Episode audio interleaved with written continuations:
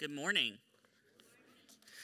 Um, thank you, Santa Chris, for leading us in worship. The uh, BCS uh, marathon that's going on, and, and whenever I found out that he was going there, I said, "Oh, there's there's no chance that I would be out of town this Sunday down there running it because if I'm running, I'm running from something because I, I don't run."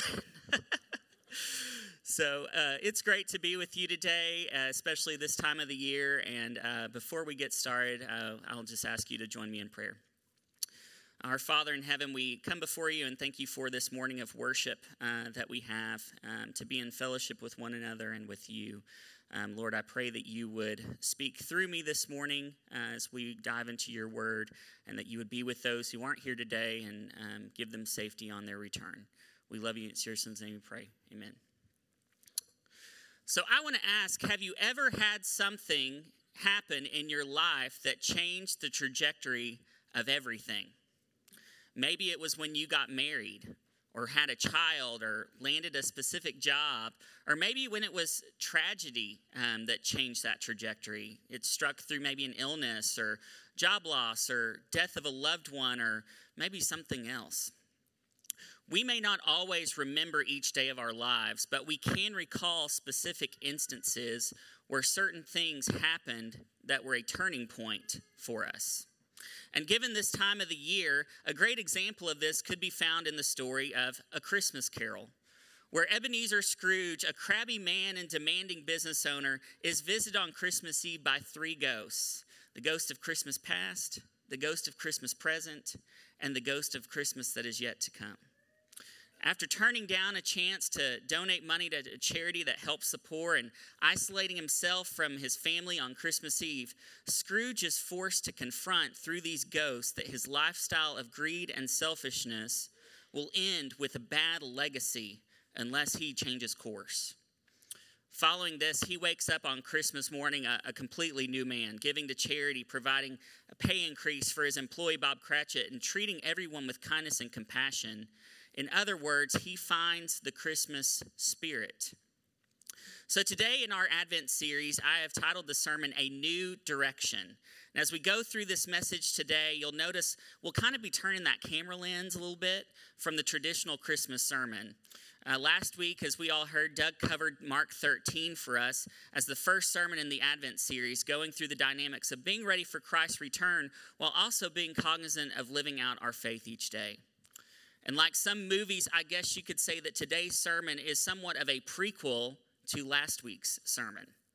We know what happens in the end, but in order to fully understand the context, we need to return to an earlier scene in the story. So today we're going to be in Mark 1, verse 1 through 8, and some of the Advent thoughts that we had earlier tie in uh, extremely well with what we're going to be diving into today. Um, and I can't help but emphasize that while this text may be very short in length, it's almost the hub by which the spokes of the Old Testament and the New Testament converge. It plays a critical role in connecting the Jewish heritage of our faith with the Gentile movement that has propelled Christianity to where it is today. Everything funnels through this passage. So, with that, would you turn with me to Mark 1? Mark 1. The beginning of the good news about Jesus the Messiah, the Son of God, as is written in the prophet Isaiah. I will send my messenger ahead of you who will prepare your way. A voice of one calling in the wilderness, prepare the way for the Lord, make straight paths for him. And so John the Baptist appeared in the wilderness, preaching a baptism of repentance for the forgiveness of sins the whole Judean countryside and all the people of Jerusalem went out to him. Confessing their sins, they were baptized by him in the Jordan River. John wore clothing made of camel's hair, with a leather belt around his waist, and he ate locusts and wild honey. And this was his message After me comes the one more powerful than I, the straps of whose sandals I am not worthy to stoop down and untie. I baptize you with water, but he will baptize you with the Holy Spirit. As we unpack what's going on in this text, we need to have a good idea as to who John the Baptist is. You know, some of us may be wondering why Jesus needs an introduction through someone like John. In the simplest terms, you could think of John the Baptist as somewhat of a warm up act to a, a, headliner concert or a best supporting actor for a movie. He's not the star of the show, but he plays a critical and influential role that shines a light on the star of the show. Because to know John the Baptist is to know Jesus. While Mark doesn't give us all the details about John the Baptist, we get other tidbits about him from the other Gospels. Most notably in Luke 1, we see this connection between Mary, Jesus' mother, and Elizabeth, John the Baptist's mother, where John the Baptist leaped in Elizabeth's womb when Mary greeted her. Later in the chapter, John the Baptist's father, Zechariah, sings a song foretelling John the Baptist's role in shaping the arrival of Jesus. His song declares, And you, my child, will be called a prophet of the Most High, for you will go on before the Lord to prepare the way for him, to give his people the knowledge of salvation through the forgiveness of their sins, because of the tender mercy of our God, by which the rising sun will come to us from heaven to shine on those living in darkness and in the shadow of death, to guide our feet into the path of peace. Now, what's odd about this song and the arrival of John the Baptist is it's not necessarily how most would have thought of a king for Israel would have played out in this day and age. We have this guy from the country wearing camel hair, eating locusts and honey, announcing the arrival of this Savior for the world. I mean, if you ask me, this guy nearly sounds like an early sighting of Sasquatch. And I guess if you were to put it in a local modern day context for us, it'd be like somebody holding a tent revival out in Falba, drawing thousands of people from all over to hear a message. Now, most of us would travel maybe to hear a big name preacher in Dallas or maybe even Abilene, but someone from the countryside, how does that correlate to ushering in a new kingdom? But everything about this announcement is untraditional. It's not about the pomp and circumstance of some political kingdom, as many may have thought, but a different kind of kingdom, as we've studied over the last few months in Doug's recent Upside Down Kingdom series. However, it's also something foretold in Isaiah 43, as what 40 verse 3, as was read earlier, that John the Baptist quotes in his proclamation of this new kingdom, along with Malachi 3, where it says the messenger will be sent ahead of Jesus. And while maybe there were some false prophets in the day posing as this, as this messenger, John the Baptist is the real deal, the one anointed by God to do this. There's even correlation between him and the prophet Elijah, the one in the Old Testament urging Israel to turn to God. John the Baptist dresses like Elijah and is compared to him in Luke. And despite these similarities, one question that's not answered in this text is Did John the Baptist know to the fullest extent what all would happen when he makes his proclamation in Mark 1. He knows the person he's proclaiming about is special and important, but did he know just how critical ushering in Jesus' ministry would be at that time and thousands of years later for us today? But this supporting actor role John the Baptist plays is something God has prepared him to do since he was born and before then. One of the best ways to think about this is the ways we prepare ourselves for various things, whether that, that be tests we take, sports, music, other hobbies that you may have, financial goals that all of us have, and also, um, as all of us can relate to, our careers.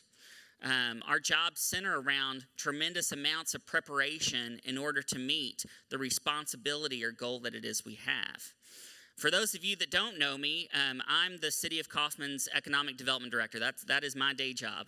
Um, I have the pleasure of working with Mike Holder and Josh Mazur and um, even our mayor, Jeff Jordan.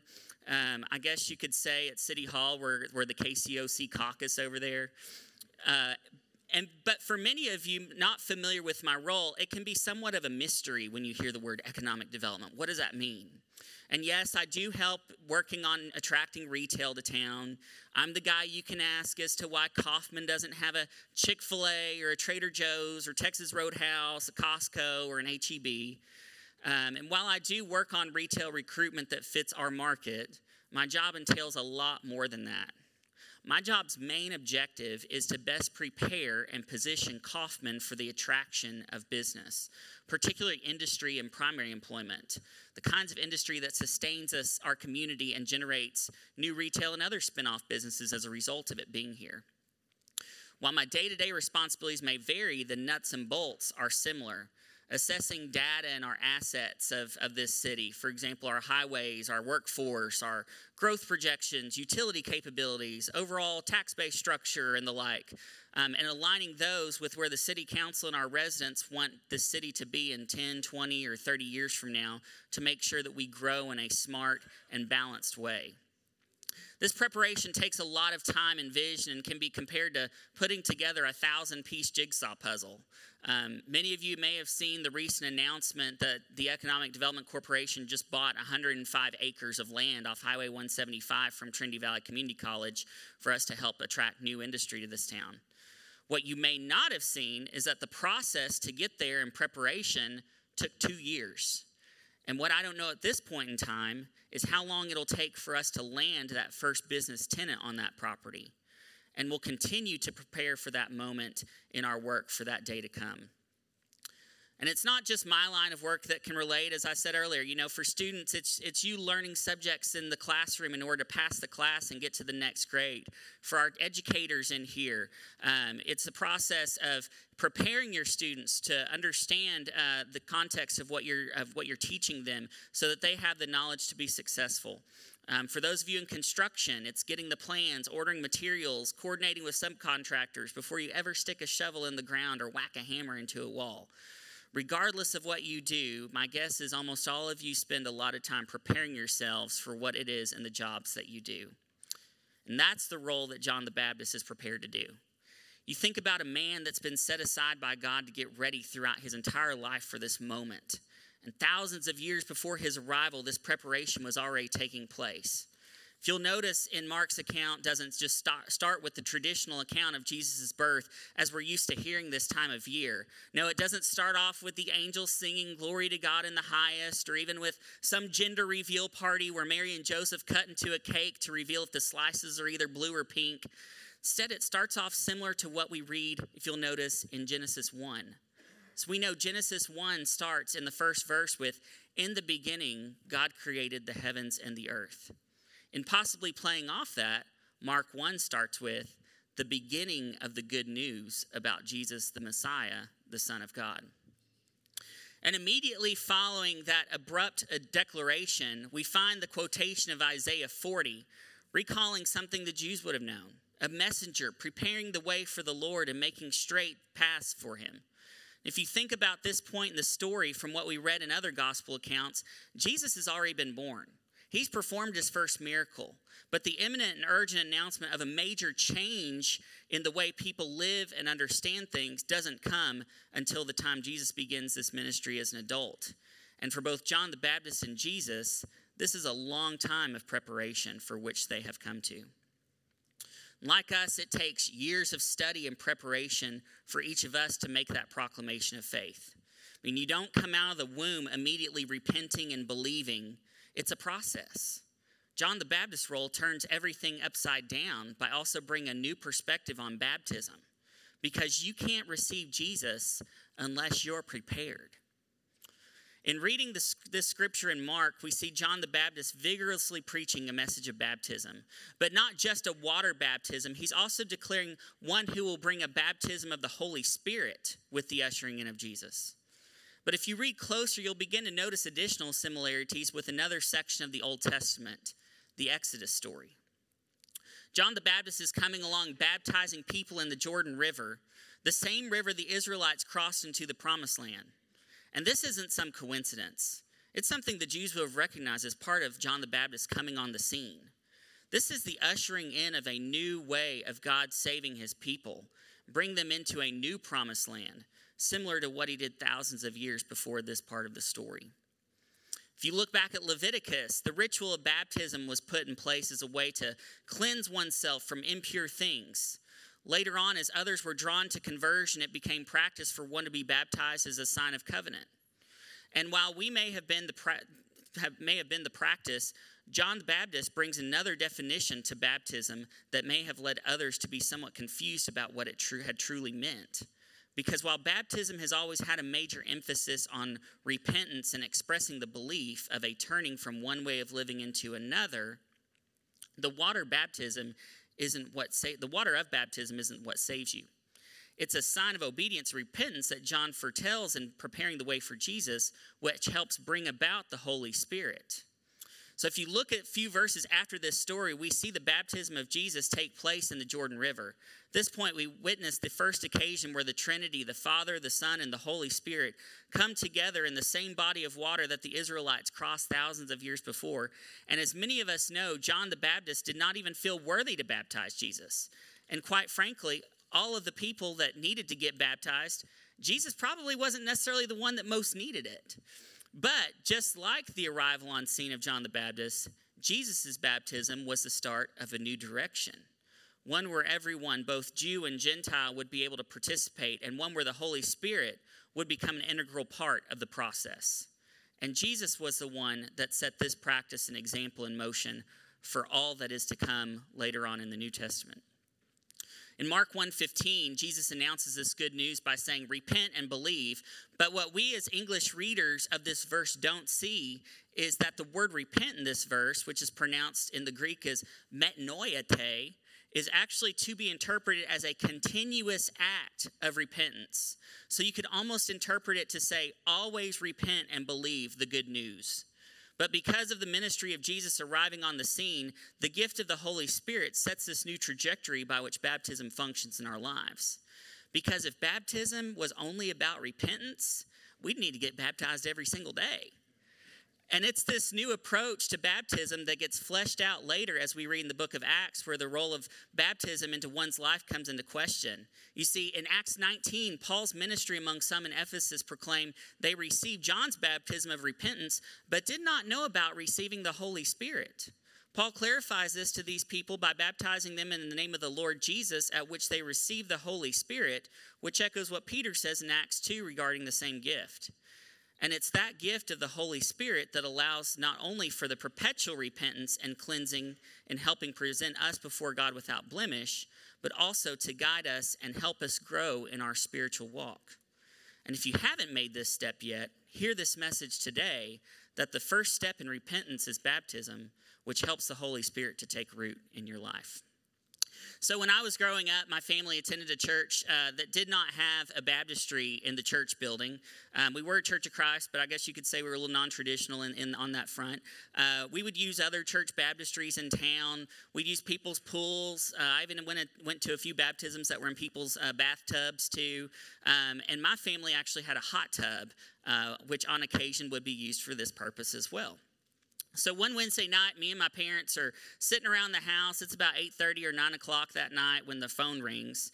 And to be honest, when that call came through, uh, we were in our pajamas watching a wholesome episode of Cops. Uh, my dad answered the phone, and it was an adult volunteer for the youth ministry asking if we could host baptism that night in our hot tub because the person wanting to get baptized felt she needed to do so urgently. So, of course, we said yes, and with about 20 minutes' notice, we changed out of our pajamas to get ready for some company to come over for the baptism. Pretty soon came about 20 or 30 people from church to our house late on a Wednesday night. And that's the kind of urgency in which John the Baptist declares repentance and baptism, paving the way for Jesus to announce the good news. It's the new direction that informs an entire theology throughout the rest of the New Testament on what baptism is for all of us.